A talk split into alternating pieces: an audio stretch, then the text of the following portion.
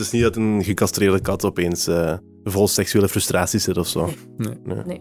Of filosofische gesprekken heeft met zijn, met zijn kameraden over. Wat zou ik nu gedaan?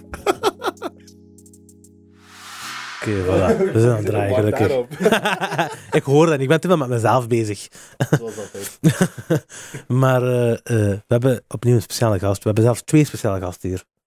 Ik denk dat de, de, eerste, de tweede keer is dat we met vier aan tafel zitten vandaag. Ik zit wel laag, denk ik. Ik zie niemand hier. Maar ik ga de microfoon overgeven aan Emre en ik ga hem even hoger zetten. Zo gezegd ging hij de intro doen. Imra, Imra ging de intro doen. nee, dus we zitten hier vandaag met Dries en Jillis ehm, van Kattencafé Mau. Spreek je dat juist uit? Ja, Of is dat M-A-U of, of is dat... mouw. Oké, Ja. Mau. Of je kunt de microfoon gewoon dichter bij je gezicht zetten, dat is ook goed. Nee? Ah, oké. Dan moet je dichterbij zetten, ja. Beter? Ja, ik, Mm. ik hoor goed. Ja. Oké, van. Ik hoor clean. Oké, dus eh, let's continue where we left off. Van Kattencafé Mau, hè. Eh, Dries en Jillis. Ehm, jullie hebben niet... Of ja, een kattencafé. Dat is niet zomaar een café. Hè? Ehm, misschien moeten we daarmee beginnen. Wat, Wat is dat, een kattencafé? man? wat is een kattencafé? Ehm, dat is een, een café waar katten rondlopen. Oké. Pretty much. Een koffiehuisje, in ons geval.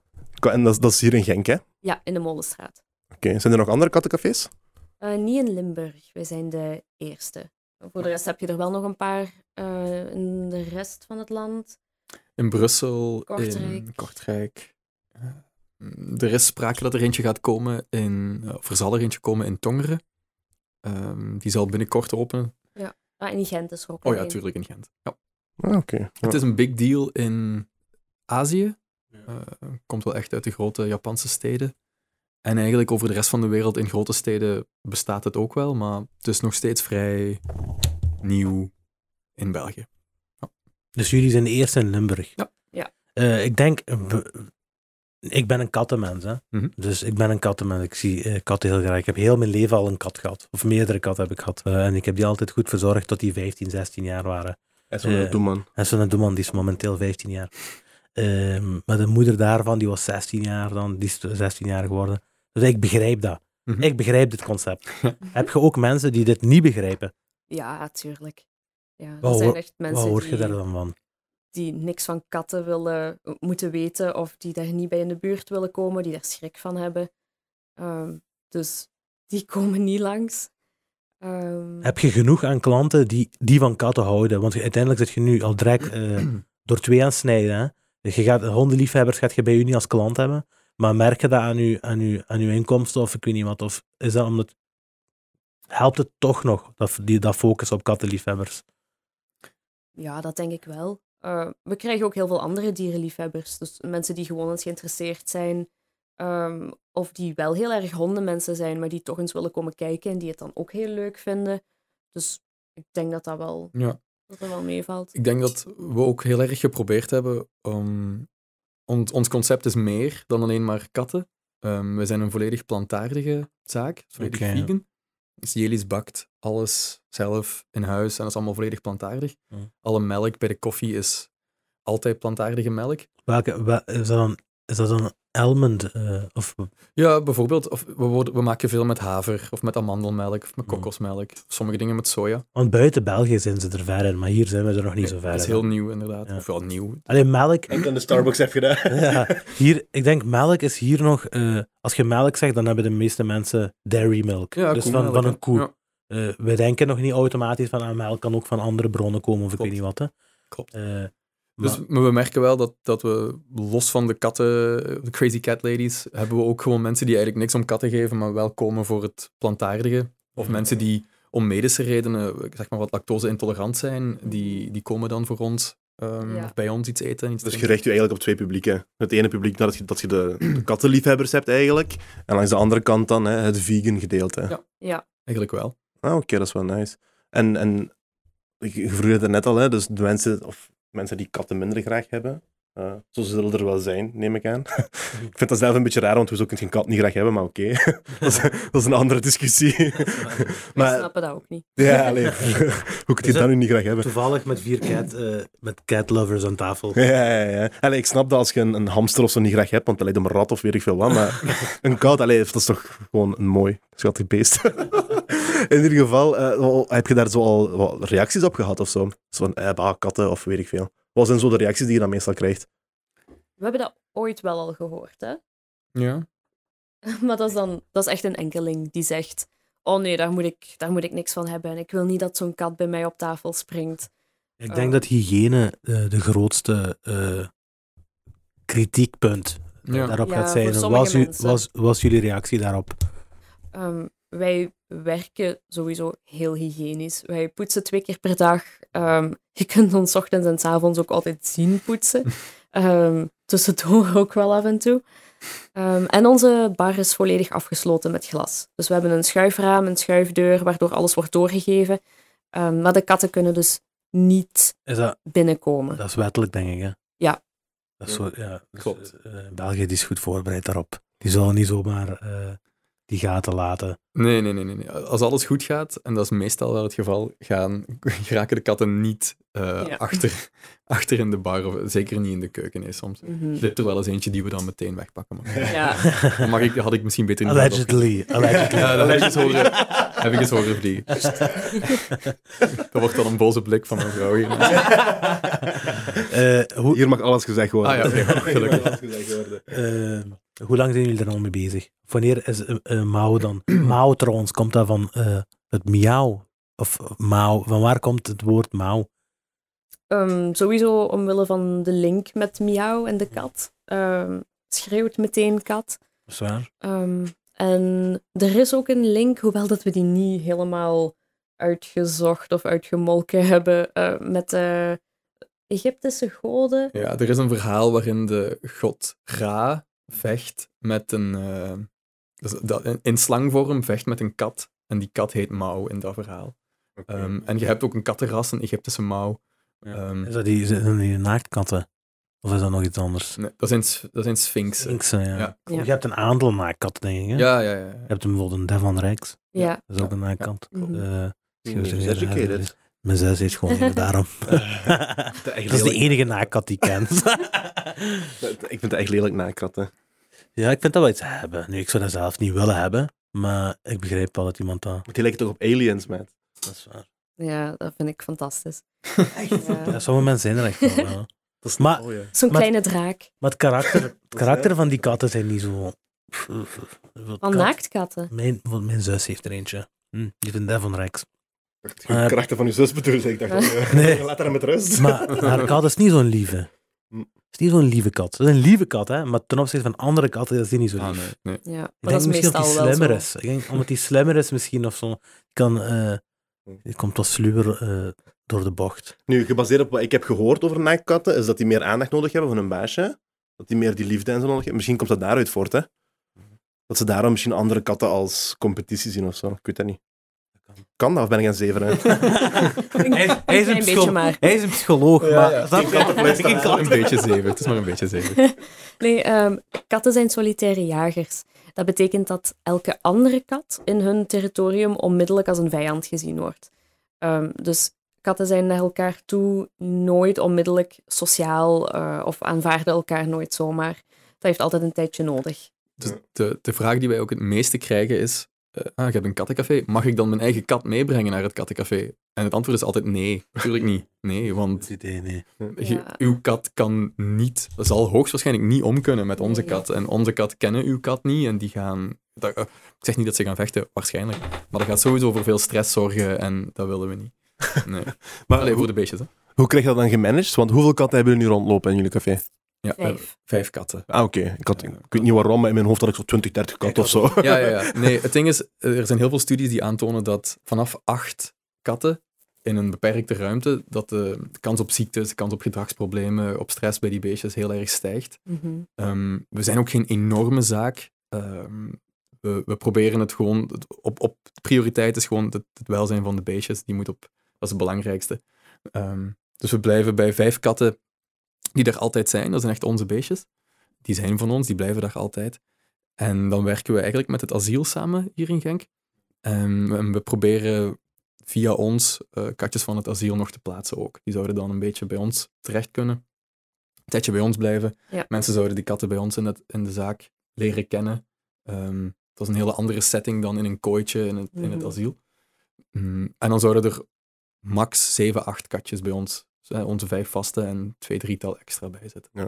Dus je probeert je echt te houden aan die max van 8 à 9. ja, ja, Ja. We kijken ook heel erg naar de, de onderlinge relaties. Als een van onze katten het even moeilijker heeft of meer stresssignalen vertoont, dan moeten we ons eerst daar eventjes op concentreren, zodat is- die helemaal oké is. Wat is een van die stresssignalen dan van een kat, bijvoorbeeld?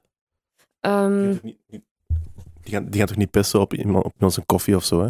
nee, nee, op koffie niet. Nee, maar, niet op koffie. maar Op thee het wel. hele... ja, dat kunnen ze niet tegen. Katten en thee. mm. Nee, maar sproeien of plassen kan inderdaad een gedragsprobleem zijn. Is een van de meest voorkomende gedragsproblemen, is onzindelijkheid. Dat had ik, bij, eh, had ik bij mijn twee katten. Dus mijn zus, haar kat, die kwam dan bij mij even. Ja. En die had Ja. dan een, een, eh, een oorlog.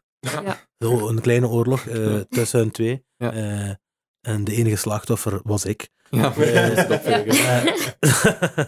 Eh, maar dat is dus een probleem. Hoe ga je daar dan mee om? Want hoe moet, hoe, ik heb dat nog altijd niet opgelost, denk ik. Want het probleem heeft zich... Nu, ik ben gewoon verhuisd. Maar eh, het, het- ik denk dat het probleem zich nu wel al heeft opgelost. Hè, van, uit zichzelf. eh. Mhm. Maar hoe los je dan zoiets op? Als je, laten we zeggen dat, er, dat je twee katten thuis hebt. En eh, misschien weten jullie dat niet, hè, maar als je twee katten thuis hebt en die kunnen niet goed met elkaar omgaan, bijvoorbeeld, en die hebben dan deze oorlog, die waar we het nu over hebben, Mhm. eh, hoe gaan... hoe- Wel, ehm, eerst en vooral is het al belangrijk om te kijken, zijn ze samen geadopteerd? Komen ze bijvoorbeeld uit hetzelfde nest of kennen ze elkaar totaal niet? Twee vreemde kittens bij elkaar zetten is altijd gemakkelijker dan twee volwassen katten. eh, Ehm, en als je dan één kat bijvoorbeeld al hebt en er komt een tweede eh, kat bij, zou je in het beste geval een soort van introductieperiode moeten doen. en, hoe, en, en wat is dat, een introductieperiode? Dat is een eh, periode waarin dat je eigenlijk met hele kleine stapjes ze aan elkaar gaat voorstellen. Ze aan elkaar ehm, laat wennen ehm, via geuren en geluiden. Eerst mogen ze elkaar bijvoorbeeld zelfs niet zien, want staren is al is al heel indringend, ja. Ehm, en als je dan merkt dat dat oké is, dat ze zonder grommen of blazen eh, aan, de, aan de andere kant van een deur bijvoorbeeld kunnen zitten, ehm kun je ze belonen met snoepjes en dan kun je telkens kleine stapjes verder gaan totdat ze wel met elkaar in dezelfde ruimte kunnen zijn, zonder elkaar ja, niet per se aan te vallen, maar zonder dat er problemen ontstaan. Dat heeft bij ons toch, in die paar keer dat we dat gedaan hebben, toch gemakkelijk vier weken tot een maand geduurd. Eer dat die katten Vier weken is een maand. ja, iets langer dan Ongeveer. Ongeveer vier weken. Ja. Vier à Dat vijf was weken. strike two al. Ja. Eh, Eén fout, drie zeggen ze buiten. Ai, ai. Ehm, nee, maar dat kan, dat kan wel lang duren. Ehm, omdat het zo kleine stapjes zijn en omdat het ook de ene dag beter gaat dan de andere, moet je wel weer een, ja, een stapje terugzetten. Ehm, Ja, dat kost heel veel geduld. heel veel En geduld. ik denk dat het daar vaak fout gaat. Want mensen zijn wel heel geïnteresseerd in, ah, hoe doen jullie dat dan? En waarom is dat zo goed gelukt bij jullie katten? En vanaf het moment dat we vaak beginnen uit te leggen, ah, dat duurt wel even, kleine stapjes. Ja, ziet je een heel aantal mensen toch wel al afhaken. Die dan denken, ja, zeg, zoveel tijd en dan moet ik die apart houden. En, maar Ja. ja, dat is wel de manier waarop dat het het beste zou Ja. gaan. Ook omdat de, de, de romantische verhalen van ik zet de ene kat bij de andere kat en die kunnen plots wel met elkaar om, dat, dat bestaat ook wel. Die zijn er ook wel, maar dat is een enorme minderheid. Ja. Ehm, Mhm. Dus mensen willen natuurlijk dat hun, hun twee katten Ja. meteen beste vriendjes worden, zoals dat bij honden gebeurt. Ja, bij honden is vaak, dat vaak wel Mhm. zo. Maar waarom is, dat, waarom is dat bij honden wel zo, denk je? Die zitten gewoon anders in elkaar. Ja, het zijn geen solitaire jagers. Oké, Ja. ja. Dus dan is daar begint het eigenlijk bij. Dat is grappig, want mijn vrouw wil ook een tweede. Dus ik heb een kat thuis. Mhm. En dat is gewoon een straatkat, hè. Uit mijn tante haar tuin, zo, je kent dat wel. en nu is dat een appartementskat geworden, plots. nu, dat was een kitten, hè, dus we doen, dus just voor alle zekerheid, we doen niet aan dierenleed. Ehm, maar juist met die gedachte dat mijn vrouw dan zegt van, ja, maar die is alleen, en wanneer wij niet thuis zijn, is die alleen, kom een tweede kat halen. Ja, oké, maar die kat is ondertussen anderhalf jaar oud. Als je er nu een andere kat bij gaat zetten, ja, je zit genaaid, hè. je gaat met je handen in het haar zitten. niet- Ja. vaak. Voilà, en we wonen in een klein appartementje, dus dat is bijna onmogelijk om er echt om die afstand te laten nemen of weet veel wat. Ja, Maar ik denk dat ze het nu wel door heeft ondertussen. Dus die geeft me wel gelijk. Aan de Denk, andere Ik heb een paar kant, Google searches gedaan. ik wil je niet in de problemen brengen, maar het werkt wel. Katten zijn wel... Het werkt niet met. Ah, nee. Nee, je hebt gelijk. Nee, dat is juist. Wat was Strike strike three? Dat was drie, hè? Dat was drie. Hopla.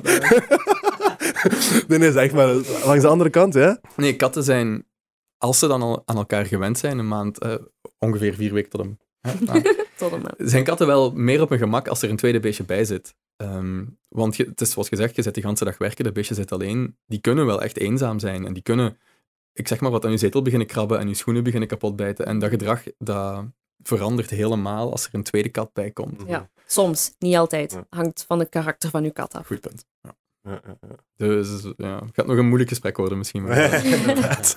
Deze aflevering gaan we niet kijken thuis. Nee, oké. Wat nog wel... eh, nee, ik wil even terugkomen op wat je daarnet zei. Hè. Jullie werken samen met het asielcentrum, Mhm. toch? Ehm, dus dan pak je daar af en toe twee à drie katten van, als ik het juist heb begrepen. Ja, twee max. Oké, twee.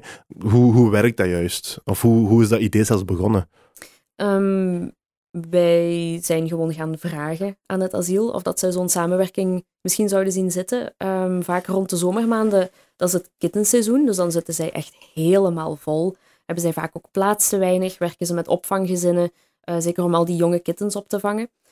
Ehm, en bijvoorbeeld het Kattencafé in Gent eh, doet dat ook. Is echt een adoptiecafé. En wij vonden dat zo'n mooi idee. Wij wilden dat eigenlijk ja, wij hoopten dat ook te kunnen realiseren. Ehm, en van daaruit ja, kijken zij een beetje in het asiel zelf, van welke beestjes hebben we, welke zijn sociaal genoeg eh, of geschikt om bij ons te kunnen plaatsen in zo'n omgeving. Want ze gaan natuurlijk de hele bange katjes of de, de agressieve katjes, die gaan ze niet bij ons zetten. Eh, en van daaruit kijken ze, die worden dan bij ons ehm, eerst eventjes apart gehouden. We doen een soort van introductieperiode, maar die is wel ietsje minder uitgebreid dan dat we echt met onze eigen katten zouden doen. Ehm, ook omwille van het feit dat ze hopelijk sneller geadopteerd worden, dus dat een heel uitgebreide introductie ook niet nodig is. Worden die dan geadopteerd? Dus als ik een koffie kom drinken, kan ik dan ook een kat uitkiezen? Of hoe werkt dat? Ja en nee. Ehm, in het beste geval ja. In de zin van, als je een katje wilt en je ziet er eentje, dat kan, hè, dan, dan kan, kan je die meenemen. Nee, ehm, je moet nog steeds, of wij volgen nog steeds gewoon de adoptieprocedure van het asiel. En dat is een vragenlijst invullen, Ja. ehm, waar het zo'n paar dingen gecheckt worden. Heb- Zit je op een appartement, heb je een tuin, heb je een hond? Is er iemand bij je thuis die allergisch is voor katten? Ja. Ehm, en Is iedereen akkoord met de adoptie? Ja. Ehm, Dus het is niet zo dat wij beslissen uiteindelijk niks van die adoptie. Al het, al het geld gaat gewoon ook naar het, naar het asiel. Ehm, en Eh, het dus- mijn... Hoe, hoe werkt die adoptie dan qua geld? Want ik, ik, naar- naar- ik heb nog nooit een kat geadopteerd, denk ik. Ik heb er wel altijd gehad. Maar eh, Mhm. Hoe werkt dan die, dat proces? Betaal je daar dan voor? Ja, je betaalt een bepaald bedrag voor een kat en die is dan eigenlijk medisch volledig in orde. Die is gechipt, die is Ah, gesteriliseerd, die is is zo'n gevaccineerd. 150 euro misschien. Het is zo. volgens mij 150 Ongeveer, euro. ja. Ja. Iets op de kop. Ja. Ik vind eigenlijk echt wel veel, hoor.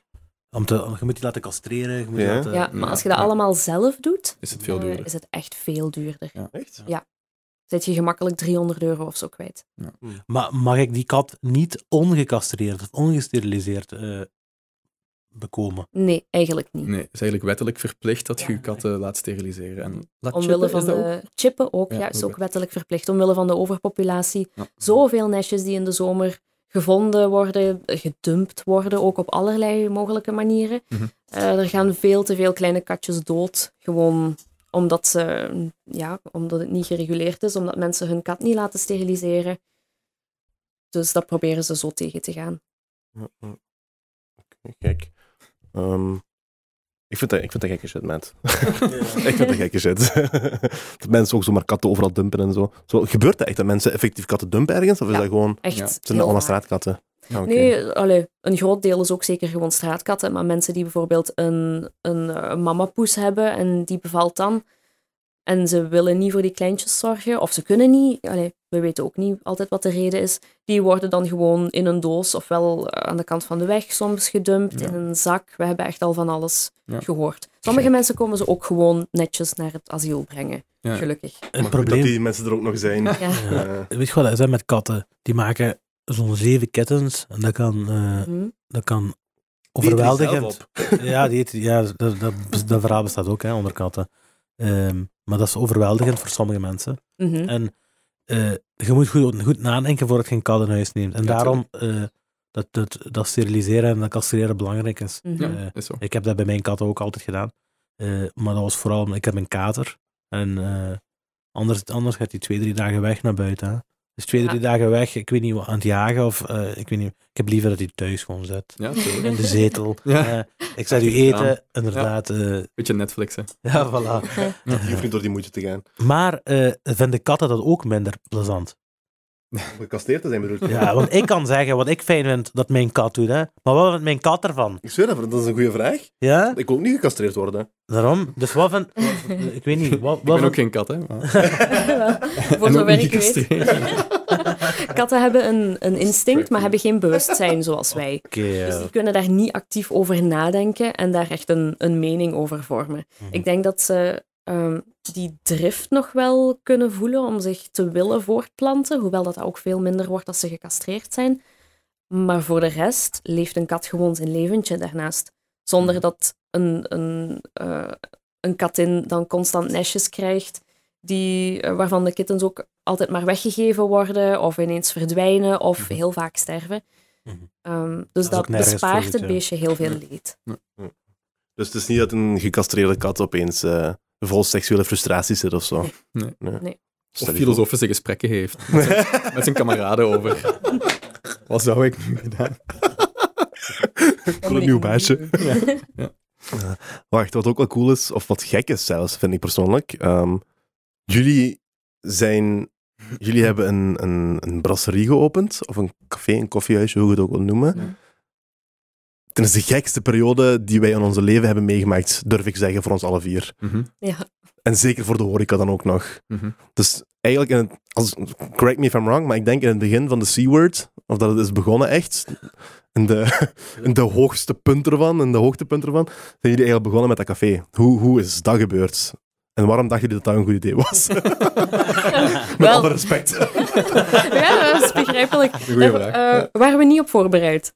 dat, denk- dat denk ik. Ja, jawel, jawel, jawel. Jawel, ja. Oké, gedeeltelijk Jawel. waren we daarop voorbereid. Maar ik had we niet zijn- verwacht dat alles opeens zou dichtgaan, neem ik We aan. zijn in september 2020 opengegaan en dat was net tussen de twee lockdowns. Ah, oké. Oké, ja. Voor de, ik denk dat in de zomer 2020 is, is alles terug opengegaan en dan eh, 18 oktober 2020 is alles terug dichtgegaan. Mhm. En wij waren al een jaar aan het voorbereiden. Ja. Jij was een jaar aan het werken aan ons businessplan, ons financieel plan, een Mhm. pand zoeken, inrichten, verven. Mhm. Ehm, en we hadden alle twee wel het gevoel, we kunnen dit nog, nog, nog een jaar, nog twee jaar, nog vijf jaar uitstellen, totdat misschien de situatie beter is. Misschien. Misschien.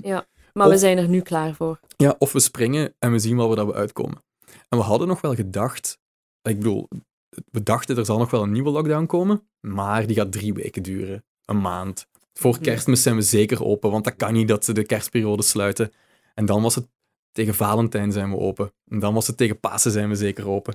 En uiteindelijk zijn we acht maanden dicht geweest. Ehm, ja, begin mei is dan de horeca terug opengegaan. Mhm. Heb je Vanaf, vanaf jullie opstart zijn jullie acht maanden dicht geweest. Vanaf onze opstart zijn we vijf weken open geweest. Ja. Van acht maanden dicht. En dan acht maanden dicht. Ja, dicht. We hebben takeaway mogen doen, hè, zoals al de rest. Ehm, dat we dan één keertje in de week op zaterdag hebben takeaway. Mhm. Ja, takeaway als nieuw startende zaak is Dat was, eh, dat was eigenlijk meer om zelf een beetje bezig te blijven, om Ja. niet gewoon maar binnen te zitten, Heb je- hoe- lezen. hoe- Ik heb, ik heb zelf ook in de horeca gezeten, vier, vier tot vijf jaar van mijn volwassen leven. Eh, ik heb de pandemic net niet meegemaakt. Ik ben er blij mee dat ik dat Mhm. niet heb mogen meemaken. Maar dan vraag ik me af, hoe, hoe, hoe, hoe blijf je boven water acht maanden zonder inkomsten? Is, is, heeft, heb je daar eh, subsidies of heb je daar hulp van de overheid van gekregen? Ja, ja. Dus dat, Ja. dat. Het, eh, wat was dat? Overbruggings... Ja, dubbele overbruggingspremie kregen Ja. wij. Mhm. We hebben eigenlijk, ehm, we moeten geen politiek statement maken, maar door de steun van de overheid zijn wij wel gewoon kunnen blijven bestaan. Nee, dat is belangrijk dat dat ook geweten wordt, want Ja, er wordt er wordt veel over klagen- geklaagd. hè. Wij Ja. klagen hier ook veel over de overheid. Dus Maar ik denk dat er ook zeker een roze ik denk dat er zeker eh horecazaken zijn voor wie dat dan niet voldoende was, met meer personeel of met een, grotere, Ja. met een hogere huur en, en met hogere vaste Mhm. eh, kosten. Maar voor ons eigenlijk kleine zaakje met beperkte huur en geen personeel. Wij zijn het Ja. personeel. Jullie zijn fulltime werkende alle twee? Ja, in, de, in, in onze zaak dan. dus ja, bij, ja. bij jullie in de zaak fulltime, ja, dan heb je, heb je niet snel een derde nodig hebben. Denk ik. Twee man kun je toch wel vrij veel... eh, Ehm, Dat dachten Ja. we, de hoop. Pas op, ja, dat, is, Ah, nee, dat is een goed nee. teken hoor, wat je Ja, ja, zegt. ja. We, we dachten dat het wel gezellig met ons tweetjes zou lukken. Jelis die af en toe eens een taartje bakte, weet je. Gezellig. Twee The dream, zo, weet je, the dream. Huiselijk. Ja, echt heel huiselijk. Wat katjes die daar zo rondlopen. En eigenlijk is dat vanaf de eerste dag dat we open waren, is het heel hard gegaan. Echt en, waar. Ja, en we zijn we, hebben we dagen dat we 10, 12 taarten nodig hebben. Elke dag. Dus, dus echte taarten. Ja. Van die grote taarten. Ja, ja. ja. Ah, dat is wel iets, ja. Maar iemand moet die bakken natuurlijk, dus dat doet Jelis. En Dat is fulltime, hè? Ja, Tien, ja. tien taarten, dat is al, dan, zit je al een heel, dan zit je al een heel dag Ja, mee dat, bezig. is, dat is op een hele drukke dag. Ja. Dus het is vaak wel minder dan tien. Ja. Maar Ah, ja. Ja, die, Dan die nog steeds dagen waren er ook. Dat is voor de, R, dat is voor de RZ. Snap je? Ja, Geen luister tien mee? hier. Nee, Twee nee, twee taartjes, dat zeg ik. Oh nee.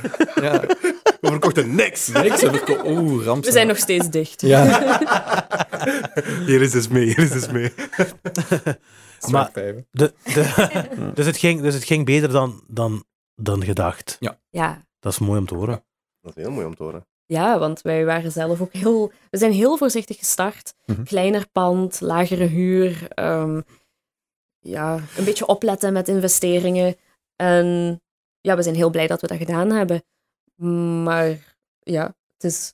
We waren een beetje aan het afwachten. Hoe gaat het lopen? Gaan mensen überhaupt interesse hebben? Gaan er, Ja. gaat er veel volk over de vloer komen? Want een kattencafé in Genk, ja, we zijn niet Antwerpen. Dit is niet, eh, dit is niet Berlijn. Dus Er ja, zijn maar veel is- hipsters hier, hè? ja. Nee, ja, wel, of nee, maar Ja, je weet het gewoon niet. Er is, het is heel moeilijk in te schatten. We doen heel erg ons best om het hygiënisch te, te maken en proper te maken. Maar als mensen nog steeds het gevoel hebben, ah nee, daar lopen katten rond, dat wil ik niet hebben. Ehm, zo, eh, zo zijn er. Maar we wisten niet hoeveel mensen dat zich daar dan wel gewoon zouden overzetten en gewoon wel zouden komen. Ehm, en dat blijkt gelukkig veel volk te zijn. Ja. Ehm, En het ding is ook, die mensen kun je ook niet overtuigen. Nee, heel moeilijk, denk ik. Ja. Maar, maar wat je Ja, doet, welke maatregelen, Ja. die gaan gewoon niet komen. Ja. We zitten in een in echt een niche. Ja. Dus Ja. we hebben ons publiek. Ja, en- En wa- wat deden jullie voordat jullie eh, met het kattencafé zijn begonnen? Waren jullie al samen? Waren jullie al get- zijn jullie getrouwd? ja, we zijn Oké, waren jullie toen ook al getrouwd? Proficiat. Dank u. Dank u. Eh, wat deden jullie hiervoor eigenlijk? Hadden jullie een job? Of, of- Ja, wij waren allebei leerkracht in het secundair onderwijs. Welke vakken gaven jullie? Wij gaven allebei Nederlands en Engels. Oké. Ah, oké. Dus eh, niet op dezelfde school dan niet. Een paar keer. Ja, Jelis heeft ook wel een interim gedaan op een school waar ik... Dus ik ben vast benoemd in het onderwijs en Jelis niet. Dus je hebt uw Ja. titel, want je zit nu fulltime in, in Moa Kattencafé. Dus je hebt uw titel ja, als ja. vastbenoemd... le- Ja, Mau, ja. Make-up artist. Ah, ja, waar. Ik was twee aan het mixen. Moe was ook nog wel een powerful naam geweest. maar, eh, eh, dus je hebt uw titel als eh vastbenoemd leerkracht heb je laten liggen. Nee, ja, nee, eigenlijk nog niet. Want er, als je vast benoemd bent, bestaat er ook wel zoiets dat je dat enkele jaren kunt houden. Hmm. Eh, ik, geloof, ik hoop dat ik juist ben dat ik denk dat ik vijf jaar die uren kan houden. Mhm. En eigenlijk binnen die vijf jaar kan ik gewoon eh, terugkomen. Dus je hebt vijf jaar om jezelf te bewijzen. Ja, zoiets. Je hebt, de, eh, No pressure. Ja, wat, ja. ja dat is zo, ja. Maar je- dus inderdaad, er bestaan een heleboel verlofstelsels en, en, en ehm, ja, stelsels die ervoor zorgen dat je, als je vast benoemd bent, wel eens iets anders kunt doen. Iets zot kunt doen, zoals een kattencafé openen. dat is toch Eh. wel iets zot, echt. Dat is toch echt iets zot, ja. En dat is fantastisch dat dat kan. Ik bedoel, ook weer Ja, van de overheid, hè. dat, dat die Eh, systemen bestaan. ehm, dat was voor mij... Ik vond het heel moeilijk om die zekerheid op te geven. Elke maand eh, een mooi loon. Ja, dat is niet Eh, gemakkelijk. Je hebt ook een, je hebt, het, is, het is geen gemakkelijk werk, hè, maar het is comfortabel werk. Hè. Je hebt je uren zijn goed. Klopt, Eh, veel als vakantie. leerkracht, veel vakantie. Ja, ja. eh, om dat al direct gaan, te gaan opgeven of eh Voor iets- risico te zetten. Ja, voor iets waar we op dat moment niet eens van wisten of het zou lukken. Ja. Eh, of er vervolg ging komen. Nu, anderhalf jaar verder, was u, eh, als je terugkijkt, zit je tevreden dat je die keuze toen hebt gemaakt? Mm, Ja, heel erg. Ja.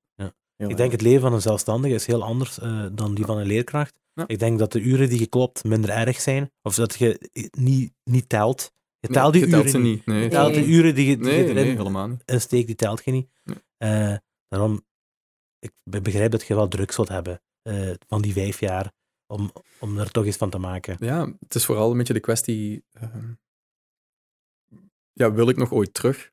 Is, ik weet hoe comfortabel het is. Inderdaad, ja, daarmee. En, en als ik die dan helemaal opgeef, die uren... ehm, ja, het is zo'n zekerheid Ja. die je toch achter de hand houdt. Ja. maar goed, daar zijn we nog helemaal niet uit. We, Nee, zijn, ook, ja. we zijn eigenlijk nog geen jaar vol, vol tijds bezig. Vorig jaar in mei zijn we dan terug opengegaan. Mhm. om iets fatsoenlijk, dat zal elke zelfstandige wel zeggen, of beginnende zaak wel zeggen, om fatsoenlijk iets over je zaak te kunnen vertellen, moet je twee, drie jaar bezig zijn. Ja, Ehm, en dan pas weten we wat, Ja. onze, wat, wat, wat, wat we doen eigenlijk. Hè, of inderdaad. Ja, nu, cijfers zijn. uw inkomsten en zo, alles zal een beetje meer eh, gevestigd zijn. Ja, Naarmate dat je langer bezig bent. Ja, klopt. Maar als ik het goed begrijp, met jullie gedachten waar jullie nu zitten, dus echt gewoon nu, zo ziet je jezelf niet meteen terugkeren naar het onderwijs. Nee. Hier is dus even een duidelijk antwoord. Ik weet het niet. Ik, Een ik, beetje aan het twijfelen. ik zet mijn joker nog in, maar nee, ik vind het heel fijn. Ik vind het echt heel fijn om op dit moment. Op dit moment zou ik Ja, niet- ja, echt Nee, op dit moment, moment. nee. nee. Oké, Nee. ja, ja. Want ik, zag, ik heb altijd, ik dacht er vroeger ook altijd aan toen ik mijn keuze moest maken voor mijn studies en wat ga ik doen, bla bla bla. Hè. The struggle is real bij iedereen. Als je die keuze moet maken. Want ja, je bent 18 jaar, je bent eigenlijk nog een kind, laten we eerlijk zijn. Je weet Mhm. niet wat je wilt doen, dus je kiest maar iets wat je denkt dat je wilt doen, maar je weet van niks. Toen heb ik ook even getwijfeld aan een leerkracht worden, maar toen dacht ik eigenlijk is leerkracht een ideale afsluiter van je carrière. ja, toch? Met al die vakantiedagen en dit en dat. Zwaar. Ik had van die leerkrachten, die waren dan tegen de 60 jaar. Ja, die hadden wel scheid, hè. Je mocht zoveel kabaal maken als je wilt. Je mocht doen wat je wilt, dat maakt allemaal niet uit. Je bent toch aan het uitbollen. Dus ik dacht zo. En misschien is dat wel een optie voor jullie, niet? Misschien wel, Dat zou ooit nog. Als ik 60 ben en volscheid ben, dan, ja, dan wil ik misschien wel. Dat zie ik u niet doen. Nee. Ja, maar je, zit, je, zit aan, je zegt dat je nu al eh, potentieel personeeltekort hebt en ik weet niet wat. Hè? Dus Ja. dan, dan, dan zou je toch zeggen dat in de afgelopen jaar natuurlijk niet slecht hebben gedaan. nee, nee, dat mogen we zeggen, denk ik. Ja. Ja. Dat is ook wat onze boekhouder gezegd heeft. We Dat hebben, zal het wel juist zijn. een- Als mama en papa betrouwbare luisteren. bron, ja.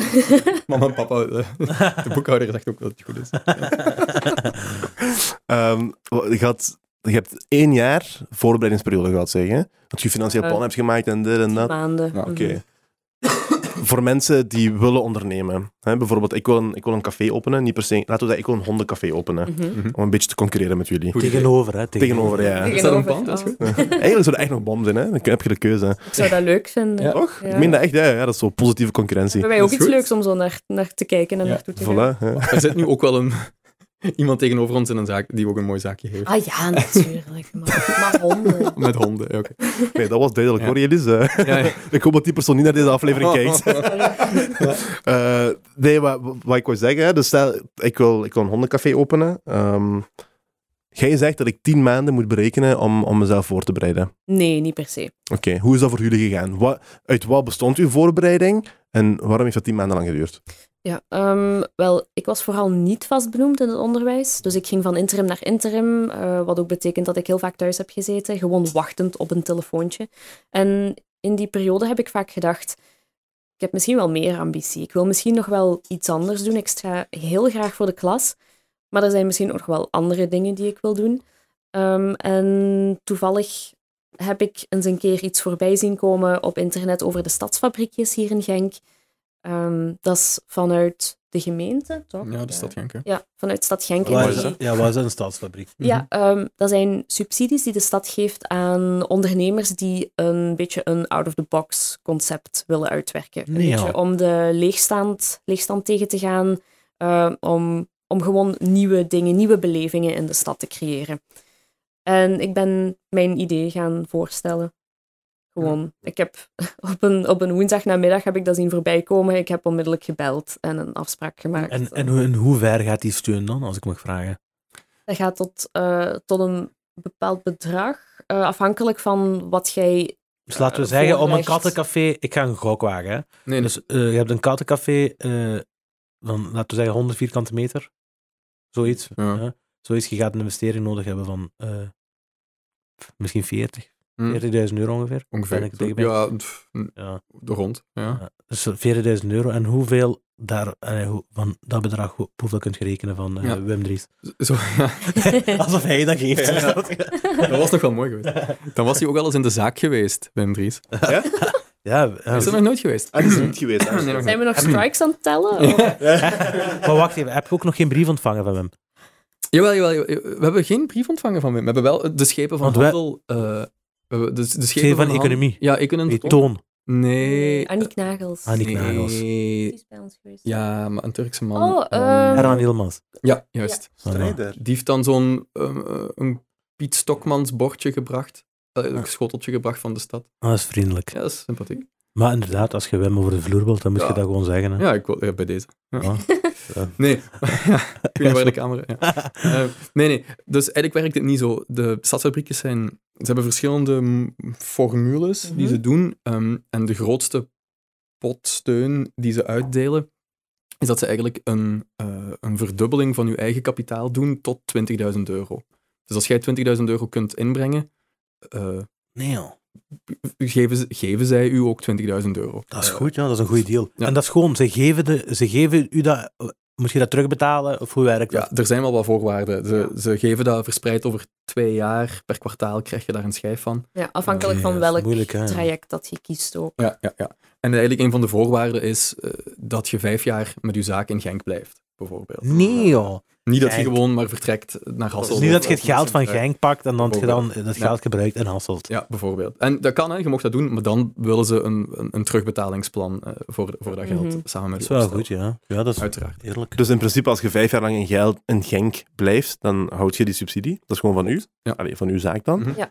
En als je dan toch beslist van, hm, na twee jaar, ik denk ik ga toch verhuizen, of ik ga Ja. er iets anders Of mee je doen. stopt ermee, kan ook. Hè. Of je stopt Eh, ermee, ja. dan moet je dat gewoon gaan terugbetalen, zonder rente of iets.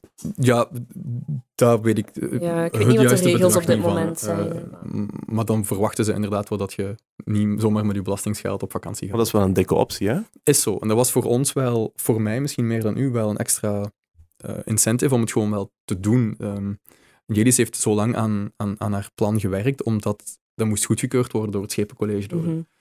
allemaal Er raden. komen natuurlijk heel veel eh, dingen bij kijken. Exact. Je kon hè. niet gewoon een A4'tje met je businessplan op. Nee, er waren echt een heel aantal specifieke criteria waaraan dat voldaan moest worden. Ja. Voordat je in aanmerking komt om. En dan moet het nog eh, door het Schepencollege goedgekeurd worden. En, Diensteconomie moet... ja. Allee, En over welke voorwaarden heb je het dan? ehm, dat er een soort van... Het, het moet een nieuwe beleving bieden Ah, ja, dat is voor die specifieke subsidie, hè? Ja, Ja. Ja, ja, Ja. ja. ehm, eh, iets dat er nog niet is. Dus het, het zoveelste koffiezaakje, daar hadden we geen subsidie voor gekregen. Nee. Ja. Maar omdat dit dan zoiets anders is, dan wel. Hm. Ehm, bijvoorbeeld. ja. Eh, Het moet heel toegankelijk zijn, het moet heel laagdrempelig zijn voor alle lagen van de bevolking. Je mocht geen, ja, ze, ze, ze, ze hopen dat je dan, ik denk qua prijzen en. Ja, qua terug te koppelen naar Starbucks. Ja, bijvoorbeeld. Dan mocht je niet gaan invoeren hier. Ja. Oké. Exact, ja. ja, ja. Maar dus wat heb je dan nog moeten doen? Je, hebt voor, je zit achter die subsidie gegaan. Mhm. Ehm, wat was het? Genkfabrieken? Of wat was het? stadsfabriek. Stadsfabrieken. Ja. Ehm, dat heb je gedaan. Wat heb je dan nog gedaan in tien maanden tijd? Ehm, ik ben in begeleiding gegaan bij Unizo. Ehm, om... Dat is ook iets voor handelen of iets voor zelfstandigen? Of Ja, is voor het? zelfstandigen. Ja, ja. Omdat, ja, ik ben Was de Unie voor... eh wat was, kent niemand de, de volledige naam van Unie zo? De- zelfstandige ondernemers. Ja, voilà, Ja. inderdaad. Dat is naar Unie zo. Dus wat hebben die gedaan? Ze hebben je geholpen dan? Ja, om een heel uitgebreid businessplan eh, volledig te onderbouwen, volledig uit te werken. Ehm, en dan ook een financieel plan uit te werken, zodat ik dat ook kon indienen, want daar hing het meeste van af, eh, of dat we de subsidie zouden krijgen of niet. Het moet natuurlijk ook haalbaar zijn. Het moet er geloofwaardig uitzien, het moet er rendabel uitzien. Mhm. Ehm, dus vooral daar hebben we ook heel veel werk in gestoken. Nu, we zullen Unizo ook nog wel uitnodigen, of iemand van Unizo. Maar als je even Unizo kunt spelen, wat is het verschil tussen een financieel plan en een businessplan? Eh, uw businessplan is uw concept, uw idee, alle creativiteit, alle aspecten van wat je wilt Ja. doen. tekst vooral, toch? Echt uitgeschreven. We gaan, wij zijn een kattencafé. Dat betekent, we hebben katten en koffie Ja. en koekjes. En dit is onze stijl, dit is onze missie. eh, over vijf jaar willen we hier staan. Ja. Eh, dat soort dingen. Oké, En dus eigenlijk een beetje alles wat je op een website van een bedrijf leest eigenlijk. Ja, vaak wel. Ja, Ja, inderdaad. zoiets. En, En uw uw financieel financieel plan plan? is hoe gaan we dat realiseren. Ja, haalbaarheid. Want Ja. ze kijken bijvoorbeeld, je hebt, eh, als, je een, als je een zaak opstart, eh, heb je drie jaar eh, aansprakelijkheid. Dus als je binnen die drie jaar een faillissement zou ondergaan, dan gaan ze terugkijken naar je financieel plan. Dus dan gaan ze kijken, Ja. eh, hebben zij eh, dat goed gedaan? Eh, om, om, hebben zij die haalbaarheidsstudies en hebben zij dat allemaal goed, eh, of zijn ze hier begonnen met Ja. 20.000 euro, hebben ze eh, een fantasie de loop laten gaan? Ja, exact. Eh, Mhm. En mocht dat financieel plan dan niet in orde zijn na drie, of binnen de drie jaar, dan kijken ze daar naartoe en dan kunnen ze u aansprakelijk stellen, want Ja. dat heb je niet goed gedaan. Eh, Ja. Dus, Zo'n dingen, ja. En echt, dat is, dat is vaak een beetje gokken. Hè. Hoeveel koffies gaan wij op een dag verkopen? Ehm, dan moet je zo'n beetje... dat is een beetje een gok, hè. Ja. Ja, dat is een gok. En dan moet je bijna met zo'n... Ja, of, of achter, een, achter een krant in een ander zaakje in, in Genk gaan zitten en streepje, streepjes trekken. Hè. Ja, Hoeveel maar we? weten, hè. Je hebt dat gedaan, hè? Ja, zonder, zonder krant wel, maar... eh, Maar ik heb, hebt echt, maar ik, dat, dat, ik hoor ja, het maar zo'n graag. dingen moet je doen. Maar ik hoor het graag. Ik heb geen idee. Wij En- komen alle twee uit het onderwijs. Ja. We hebben geen ondernemers eh, in de familie of zo. Ik, ik ben, allee, dit was voor ons alle twee de eerste keer dat we een, een zaak gingen beginnen. Ja, hoeveel, hoeveel koffies verkoopt een zaak op een uur? Ik heb geen Nee, idee. dat is een goede vraag. Ja, Mm. inderdaad. Laat staan hoeveel stukken taart. eh, want wij eten die taart wel graag, maar hoeveel taart wordt er eigenlijk op een uur verkocht? Behind the scenes is iets helemaal anders. Ja. Ja, Eh, En dan moet je dan in een, in een plan ehm, gieten en dan moet je daar prijzen op gaan plakken. Eh, en dat is een financieel plan. Ja.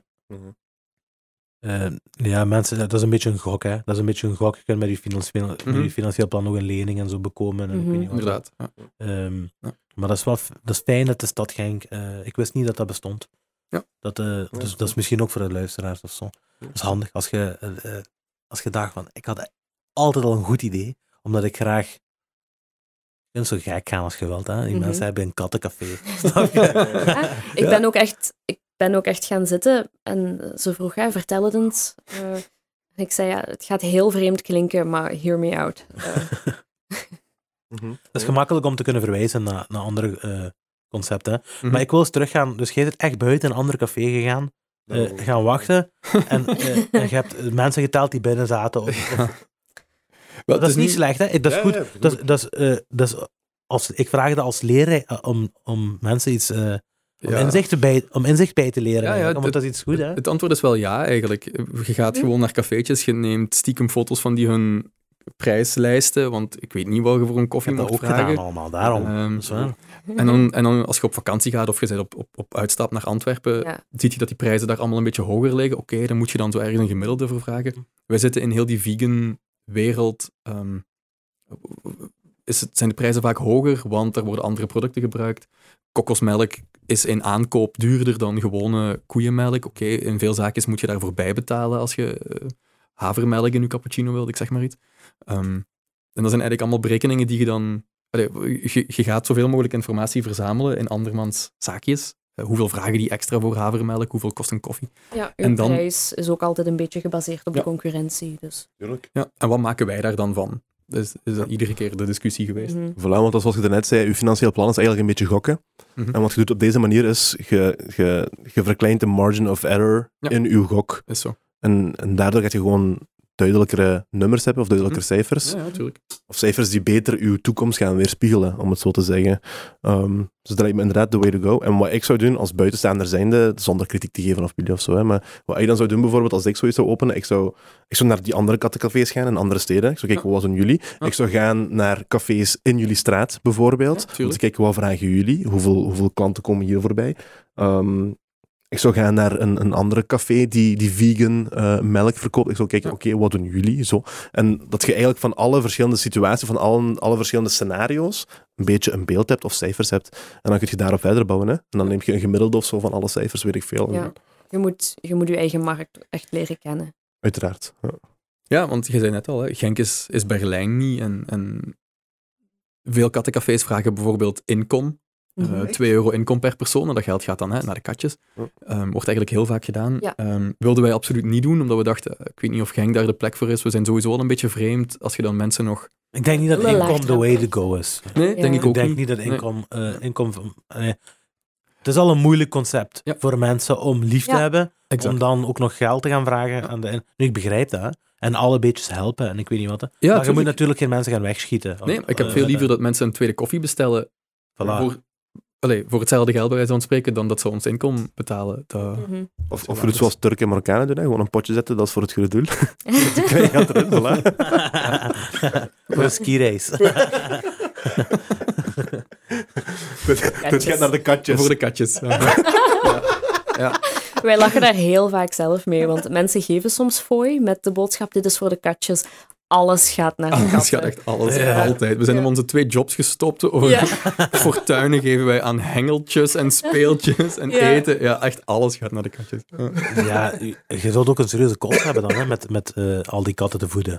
Ja, ja, serieus. eh. Ja. dat, valt nog, ja, dat is wel een extra kost die een gewone horecazaak is natuurlijk inderdaad. niet. Ik zou zeggen, zeven katten elke dag eten geven, telt sowieso op op het einde van de maand. Ja, Hm. daar zoek je inderdaad ook wel weer gewoon uw, ja, een goede balans in. Hè, tussen geen, geen crappy eten, maar ook niet het allerduurste eten. Mhm. En eten waar dat de katten goed op reageren, waar dat hun vacht mooi van is en dat ze gewoon gezond zijn. Ja. Mhm. Heeft dat veel invloed? Het eten wat die katten krijgen? Heel veel. Op hun vacht en zo echt? Maar het hangt nog het allermeeste af van uw beestje zelf. Als jij Ja. ziet, eh, die vacht is mooi glanzend, die doet het goed, die wordt niet te dik, ehm, dan is het eigenlijk wel oké. Je hoeft daarvoor geen dure merken te kopen. Als je merkt van die wordt heel snel te dik, eh, of we moeten al naar de dierenarts gaan om die eh, een, een soort van dieetvoeding te geven, dan zit er wel iets mis in de voeding. Eh, maar jullie doen, jullie doen dat alleen met, met eh, allee, tussen aanhalingstekens straatkatten of ehm, katten van het asiel. Hè? Mhm. Ja. En, en jullie hebben zelf ook katten Ja. thuis. Ja. Zijn dat raskatten? Nee. Nee. Oké, ik ging jullie vangen anders. Heb je, heb je die ook uit de tuin van je tante gehaald? Nee. Het asiel ook, ja. Maar, Van eh, het ziel? ja, allemaal. wa- wat zou je ervan vinden als ik een kattencafé zou openen en ik zou eh, dus katten uit het asiel halen in mijn café, maar ik zou thuis een aantal raskatten hebben lo- rondlopen? Zou dat hypocriet zijn van mij? Of, eh, Een goede vraag. Ik denk niet dat ik dat hypocriet zou vinden. Nee, dat is uw eigen keuze. Ja. Ik vind dat wij in ons concept, eh, wij gaan zo hard voor die adoptie en die herplaatsing en de juiste communicatie rond alles wat die beestjes nodig hebben, dat wij ons wel alleen maar toeleggen op asielkatjes en geen, geen raskatten. Maar ja, Maar dat begrijp- betekent niet dat andere mensen daar, allee, dat wij daar een mening over moeten hebben. Nee, doe wat je, doe wat je wilt. Ik- er zijn heel veel mensen die het. raskatten hebben en, en, en bij hun thuis Ja. Hele dure beesten hebben rondlopen. Ja, schone beesten? ja dat is kei mooi. Ja, dat is, allee, als mensen daar gelukkig van worden, Wel, moeten ze dat doen. ene kat bij ons thuis is wel een halve Britse korthuis. Ja, ja. Nu, mijn, mijn kat is ook een ik denk een halve, ergens, een vierde. Ik zeg altijd dat is een Brits korthaar, Ja. maar luister. Maar dat is een heel mooie kat, hè? Dat is wel een heel mooie kat. hè. Van de Aldi. Oké, inderdaad. Die heeft, die heeft, die heeft zo'n aantal kenmerken daarvan, hè, Hm. omdat eh, die, die, eigenlijk die, volledig, die volledige kenmerken. Enkel de ogen heeft hij er niet van. Mhm. Maar de moeder was ook altijd zo. En mijn, de moeder van mijn kat dan had altijd eh, zeven, zeven jongstjes, zeven eh, kittens. Maar in 15 jaar heeft hij drie katten Mhm. zoals haar Ah ja, oké. eh, gehad. Dus van al die kittens zijn er drie zoals haar uitgekomen. En dan hebben we er uiteindelijk eentje bijgehouden. Mhm. Eentje is naar, eh, bij, u in de fam- bij u in de familie gegaan. Die is er ook nog altijd, hè? Ja, en die Ja. heet gewoon ook Doeman. Die is ook man. Ja, we zijn niet zo creatief. dus die katten die zien eruit als rook. En in Turks eh, noemen wij dat dan ook gewoon rook. Dat is gemakkelijk, snap je? Dus Doeman betekent rook. Vooral Wel, mijn allereerste huisdier was een konijn en die heette Taushan. Dus, Ja, voilà. Tarzan is konijn in Turks. Dat is nog erger. Nee, maar we hebben het al gehad over... Jullie hadden een goede job. Of toch, Dries vooral, jij was een beetje... Hè, ik Ja. ken dat. Mijn vrouw is zelf ook leerkracht, mijn zus is leerkracht, dus ik ken de struggles van leerkracht zijn. Wat echt belachelijk is trouwens. Eh, hier ben ik weer met mijn kritiek op de overheid. Ehm, maar dat vind ik dus belachelijk, hè, dat zo'n onbelangrijke job, zo, dat je zo moet struggelen om daar iets in te vinden eigenlijk. Of ja, om daar een soort van zekerheid in te voelen. Ehm, dat vind ik echt belachelijk. Maar bon, dat is een ander gesprek. Eh, jullie hebben een aantal opofferingen moeten maken. Hè? Ehm, al is het iets minder concreet, zoals die zekerheid. Mhm. Eh, jullie zijn gestart tijdens corona, wat ik nog altijd heel gek vind, eerlijk gezegd. Eh, heel balzy, hè? respect ervoor. Ehm, Oké. z- Zijn er nog van die opofferingen die je hebt gemaakt dat je denkt van, dat was toch wel een moeilijke periode, of daar was een beetje struggle wat erbij kwam kijken? Ehm, ik denk het allereerste dat ik heb opgeofferd was mijn geloofwaardigheid voor heel veel mensen. Ehm, In welke zin juist? Dat valse beloftes die niet aangekomen werden? Of... ja, dat mensen dachten, wat? Wa- wat gaat je doen? Wat gaat je doen? Ja, Ah, Oké, aha. ja. Ehm, Zeker in de Turkse gemeenschap, denk ik. eh, als je eh, ka- kattencafé moeilijker gaat verkopen. ja, ho- hoewel dat het toch voornamelijk gewoon andere mensen waren. ja. Dat is nog erger, buitenstaanders. Ja, ik Ja. was ehm, toen wij net eraan begonnen waren, of we hadden net de beslissing gemaakt eh, dat we daarvoor zouden gaan. En ik denk een maand later werd ik gebeld voor een interim. En toen heb ik eh, ook aan dat directielid uitgelegd: kijk, ik, ehm, ik ga dat niet aannemen, want ik ben nu volop bezig voor iets anders. Ehm, ik ben op weg om zelfstandige te worden. En de eerste reactie die ik kreeg was: ja, jij, zelfstandige? Oké, ja, als jij denkt dat dat iets voor u is, ehm, oké. Dus we zijn vanaf het begin wel echt geconfronteerd met En wat van- mensen van ons En van, dachten. en van wie kwam dat? Van wie kwam die gedachte? Of van, van welke? Was dat? Dat heb ik niet goed begrepen. Dus van waar kwam dat eh, kritiek? Ehm, van eh, een directielid Ah, van de, ja, de school ja. die mij een interim wilde, Ja. wilde bieden. Dat is erg, ja. En die, die nog- kinderen moeten opvoeden, moet je denken. Ja. Exact, dat ging Ja, net ja. zeggen. Als je zou zeggen dat komt van een interimkantoor of zo, dan zou je Ja. misschien "Ah, oké, ja, weet je. Die zal misschien een beetje op zijn tenen getrapt hebben omdat ze nee zegt. Maar van een school, je verwacht van iemand die op een school werkt dat die ja. Opbouwend is of, Ja. of uplifting is, in Ja. plaats van juist denigrerend of van... eh. Maar dat is ook Zo. wel heel erg iets in het onderwijs. Een interim, daar zeg je geen nee tegen. Ja. Maakt niet uit eh, of je daar een diploma voor hebt of niet. Je zegt geen nee, want anders kom je niet meer terug. Mhm. Ah, echt of wat? Dus ze zijn er zo fel in, ja. Ja, wel vaak. Echt, dat is belachelijk hier. Hè. Dat is echt Ja. Dat is eh, erg, maar zegt, dat heb ik nooit meegemaakt. Jawel, jawel, ja, nee. Ik heb, het- ik heb het jammer genoeg heel vaak meegemaakt met Ja. Elis, die, die, die, die gekste dingen naar haar hoofd geslingerd kreeg. En, en zeker als je daar dan op een bepaald moment, en dat geldt ook wel voor mij, uit wilt stappen, Mhm. om welke reden dan Je ook. wordt omdat voor het- gek verklaard ja, je misschien. wordt voor gek Ja. verklaard. Want, wat je net ook al zei, je goed loon, je vakantie, je uren, Mhm. en wat gaat je dan doen? En als je dan nog iets, weet ik veel, iets kunt doen wat mensen zich kunnen voorstellen tot daar aan toe, maar je gaat een kattencafé beginnen, een Genk, corona, ehm, ja, zot. Je zit zot. Ik heb honderd Mhm. keer moeten horen, je zit zot. Waarom? Ja. En ik, dat, dat waren wel opofferingen die, allee, dat is misschien een groot woord, maar het is wel moeilijk om daar iedere keer, ik vond dat moeilijk om iedere keer mee geconfronteerd te worden van, je, je gaat voor iets, hè. Wij, wij, lagen daar, wij waren daar altijd over bezig met ons twee, dat was, groot woord, onze droom om dat dan op een bepaald moment gewoon te doen en je gaat daarvoor en, en je wil een heleboel dingen in gang zetten om dat ook effectief te verwezenlijken. En om dan langs alle kanten die kritiek is wel het juiste woord, denk ik, of opmerkingen te, te krijgen, Dat je zot bent. dat je zot bent en, Ja. en dat, dat, dat doet je toch niet en wacht toch nog even en, en niet met corona. En, Zou en- je niet teruggaan naar het onderwijs? ja, zou je niet halftijds in het onderwijs blijven en zou je dat niet enkel dan doen? En, en dat, ging, dat ging echt heel ver. hè. Dat ging zo ver dat mensen ook zeiden, kijk, je gaat dan vegan doen. Maar dat gaat niemand willen, vegan. Je moet ook, je moet ook taarten hebben die niet vegan zijn. Want die vegan taarten, ja goed, dat is één ding. Maar je moet ook taarten met ei in. Eh, Mm. en, en ons hele concept werd gewoon langs alle kanten aan, aangevallen. Door mensen, dat is nog het ergste, hè, die, Het die- dichtst bij u staan ja, eigenlijk. die tekst bij u staan is niet wat ik bedoel, maar de mensen die er eigenlijk ook niks van kennen. Mhm. was, Oh ja. ja we, kennen, we, kennen, we kennen andere mensen die een kattencafé in Maastricht hadden. Ehm goede Ja. vrienden ook van ons. Mhm. Die hadden reden om iets te Commentaar zeggen, zeg maar commentaar te Ja. geven. Je gaat je Maar- serieus nemen als je iets Nee, zegt. serieus. Maar mensen, die, mensen zijn graag professor eh, in, Ja. in, in veel conversaties Ja, waar ze eigenlijk niet thuis geen idee van hebben, nee. En uiteindelijk, uiteindelijk bleek dat een hele goede zet te zijn, dat wij een plantaardige, dat we, dat we volledig vegan Ik zijn. zou, het, heeft geen, het heeft geen zin om half-half te doen, want dan kun je niet goed marketen. Ja. Nee, is zo. Dus, dus marketing is veel gemakkelijker als je zegt, wij zijn Ja. exclusief Ja. dit. Ja. Hè? Dan, je gaat al veel sneller die vegan eh, mensen aantrekken door Mhm. te zeggen, wij zijn enkel dat. Ja, tuurlijk. Eh, Mhm. En eerlijk gezegd, een, een taart, zolang dat geen vleestaart is, maakt, Ja. me dat niet zo, maakt, me, dat- maakt me dat persoonlijk niet zoveel uit, denk ik. Of dat nu vegan is of niet. Nee. Niet? En ik weet niet. Ja, ja. Zolang die lekker is, hè, die taart. Allee, Ja, zolang die lekker is. Dat is ook altijd ons idee geweest. We moeten gewoon lekkere taarten hebben. En niemand... Er zijn genoeg mensen die bij ons binnenwandelen en dan na een stuk taart zeggen, hoe, zat daar geen ei in? Ja, hoe voilà, maak je die, die, die bodem is dan drie eitjes zeker? En dan de... eh, Ja. Nee, nee. nee, helemaal geen ei. Ja. Maar ik denk, eh life eh, is voor de takers. Hè. Ik denk, die gaat je, je gaat die... De, als je de stap zet naar zelfstandigen, zeker als je in een, in een bange omgeving bent, hè, wat, eh, wat we in Vlaanderen wel zijn een beetje, hè.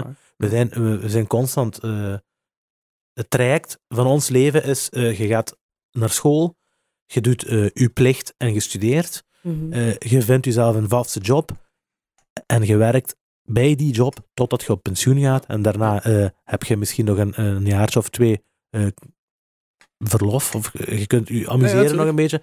Maar dat is niet de enige manier. Nee. En als jij dan komt met: ik wil. eh, midden van mijn traject stoppen met Mhm. dat. Hè. Dus ik ben vast benoemd en ik weet niet wat. Hè, en ik wil dat nu omgooien en ik wil een sprong wagen. Gaat je daar inderdaad gaat je mensen hebben die proberen terug te Ja. trekken in die, Ja. in die, in die kist. Ja, je merkt heel erg dat Ja. mensen hun eigen angst projecteren. Dat is op dat. Dus dat is enkel dat. En Eh, ook vaak goed bedoeld, uiteraard. Ja. Onze, inderdaad. onze ouders waren, eh, of zijn misschien nog steeds heel erg bang dat ons spaargeld er in één keer los doorging, want over een gek idee heb je, maar... Ze- Ja. die, die meningen die gaan ik, ik, voor- toen ik zelfstandig ben geworden, heb ik letterlijk de opmerking gekregen van mijn pa. En bij mij, dus ik ben de jongste, de jongste thuis en de rest had ook allemaal gestudeerd en ik weet niet wat. En ik ging dan stoppen met mijn studies om zelfstandig te worden toen ik Hm. 20 jaar was. Of 19. En mijn vader die zei letterlijk tegen mij, eh je gaat op straat belanden. Jij gaat op straat belanden, zei hij. Dus hij zei, jij, gaat, jij, zei, jij denkt nu dit allemaal, nu... Ik begrijp dat, ik was een kind. Zoals je zegt, een 18-jarige, 19-jarige is een kind. Die weet niet goed wat hij doet. Maar, maar uiteindelijk heb ik dat gedaan. Hè. En een jaar daarna, een, een jaar daarna eh, heeft hij de andere kanten ervan gezien. Ja.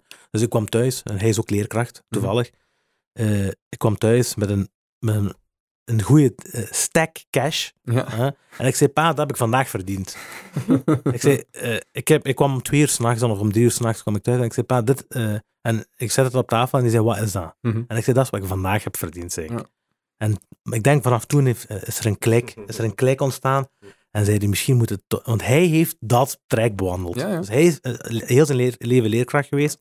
En die doet dat goed en ik weet niet wat. Natuurlijk. Maar dat is niet voor iedereen. Het, Mhm. het is niet dat het op die manier moet dat het op... Dat het, eh, het moet niet altijd op één manier eh, gebeuren. Dat.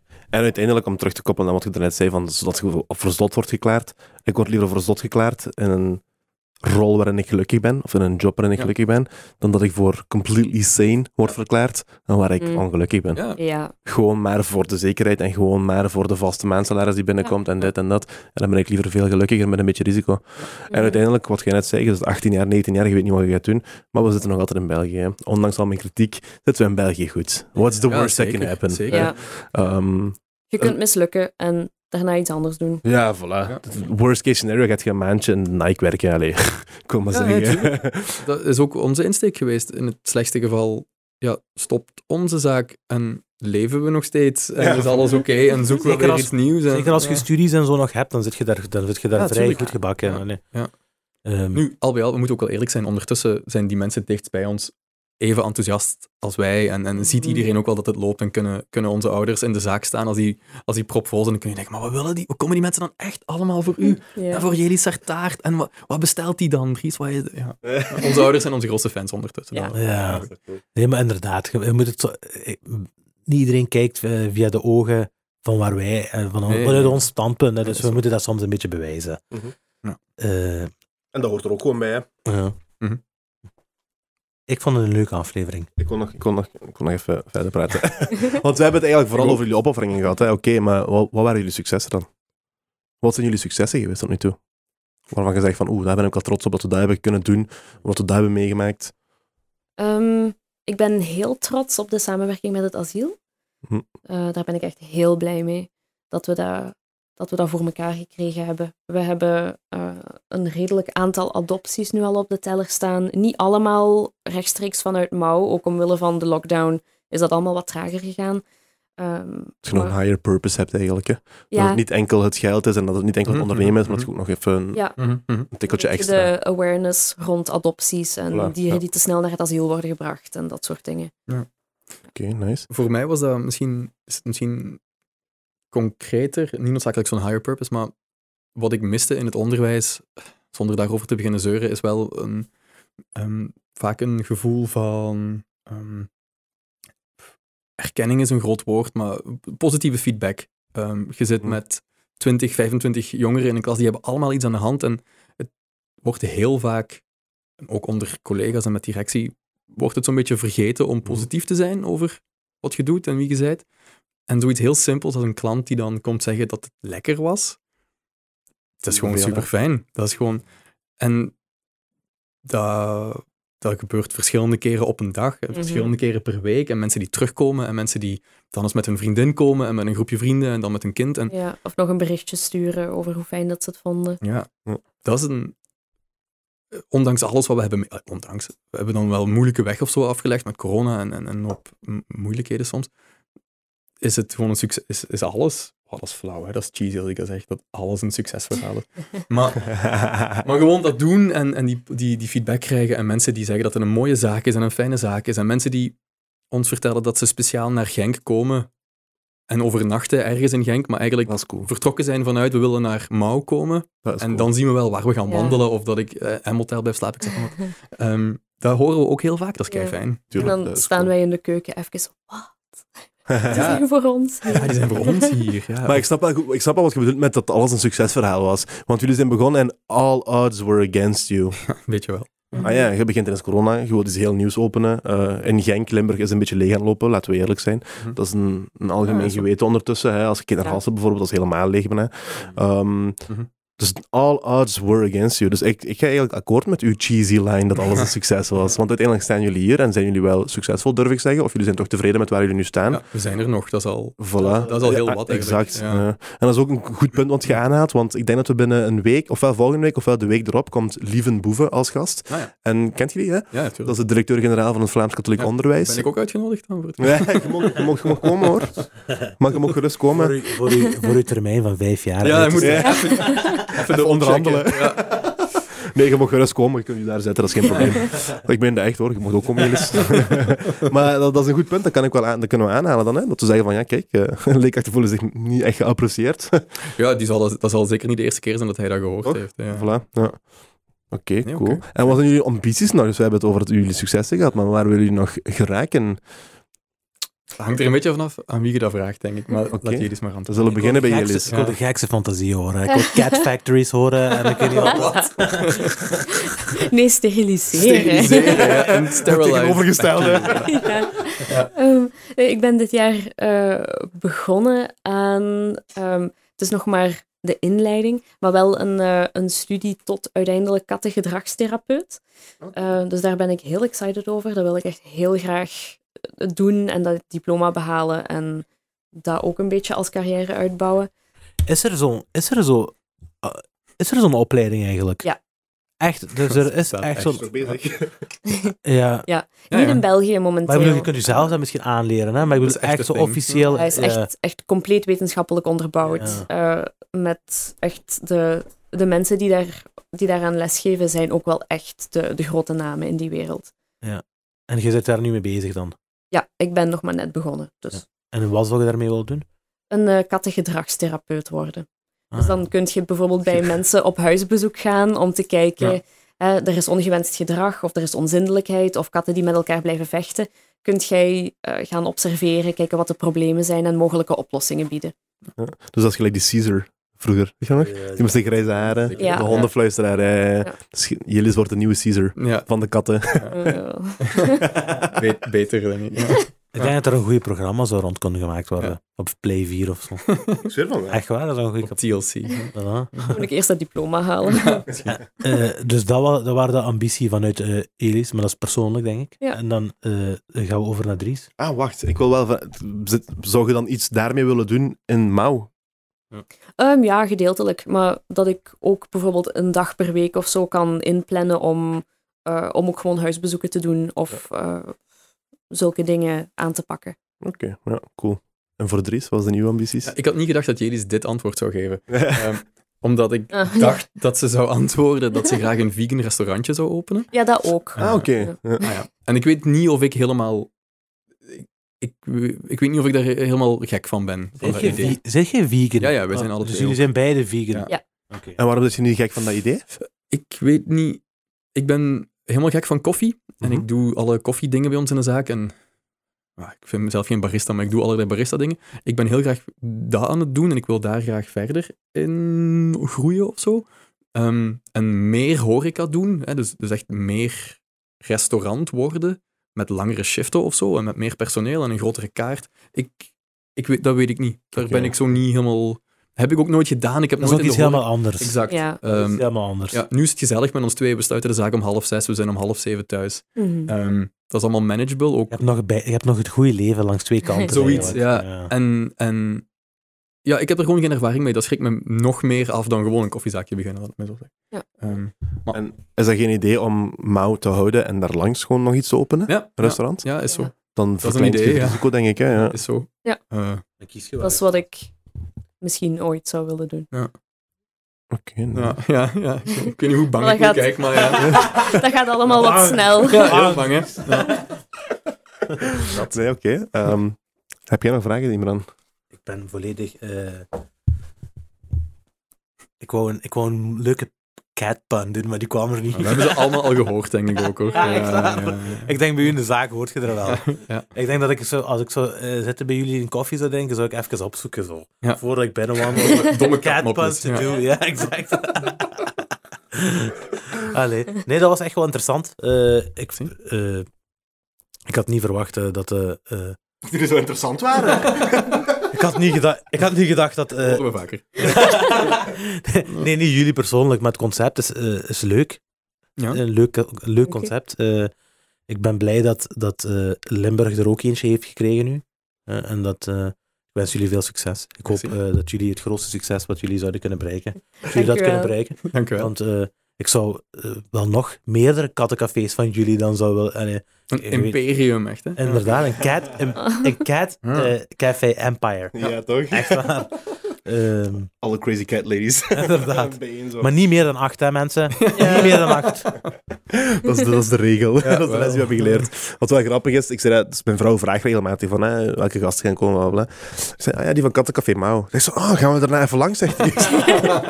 Zeg, zondag gesloten, schat, sorry. Yes. Volgende week dan een maand. Ja. Voilà. We hebben dat geregeld. Merci. Eh, bedankt voor het komen. Jullie merci om ons Ja, te bedankt. hosten. Het was een leuke Leuk. aflevering. Eh, mensen, bedankt voor het kijken nogmaals. Eh, het was het perspectief. Eh, als je nog niet bent geabonneerd en je zit al aan het kijken, ongeveer 70% van de mensen die regular zijn aan het kijken, zijn niet geabonneerd. Dus eh, waar praten we over als we dat zijn aan het zeggen? Maar eh, dat is één knopje drukken. Abonneer. Eh, ga op TikTok. Die comments zijn eh, leuk om mee te volgen. Echt waar. Dat is eh, op zijn minst. Toch? Wij worden afgemaakt. Ja, ja. Mensen maken ons af op Echt waar. Dat is gewoon een heel nieuwe generatie op TikTok en dat is een, een leuke markt om op te volgen. Dus bedankt voor het kijken nogmaals. Peace.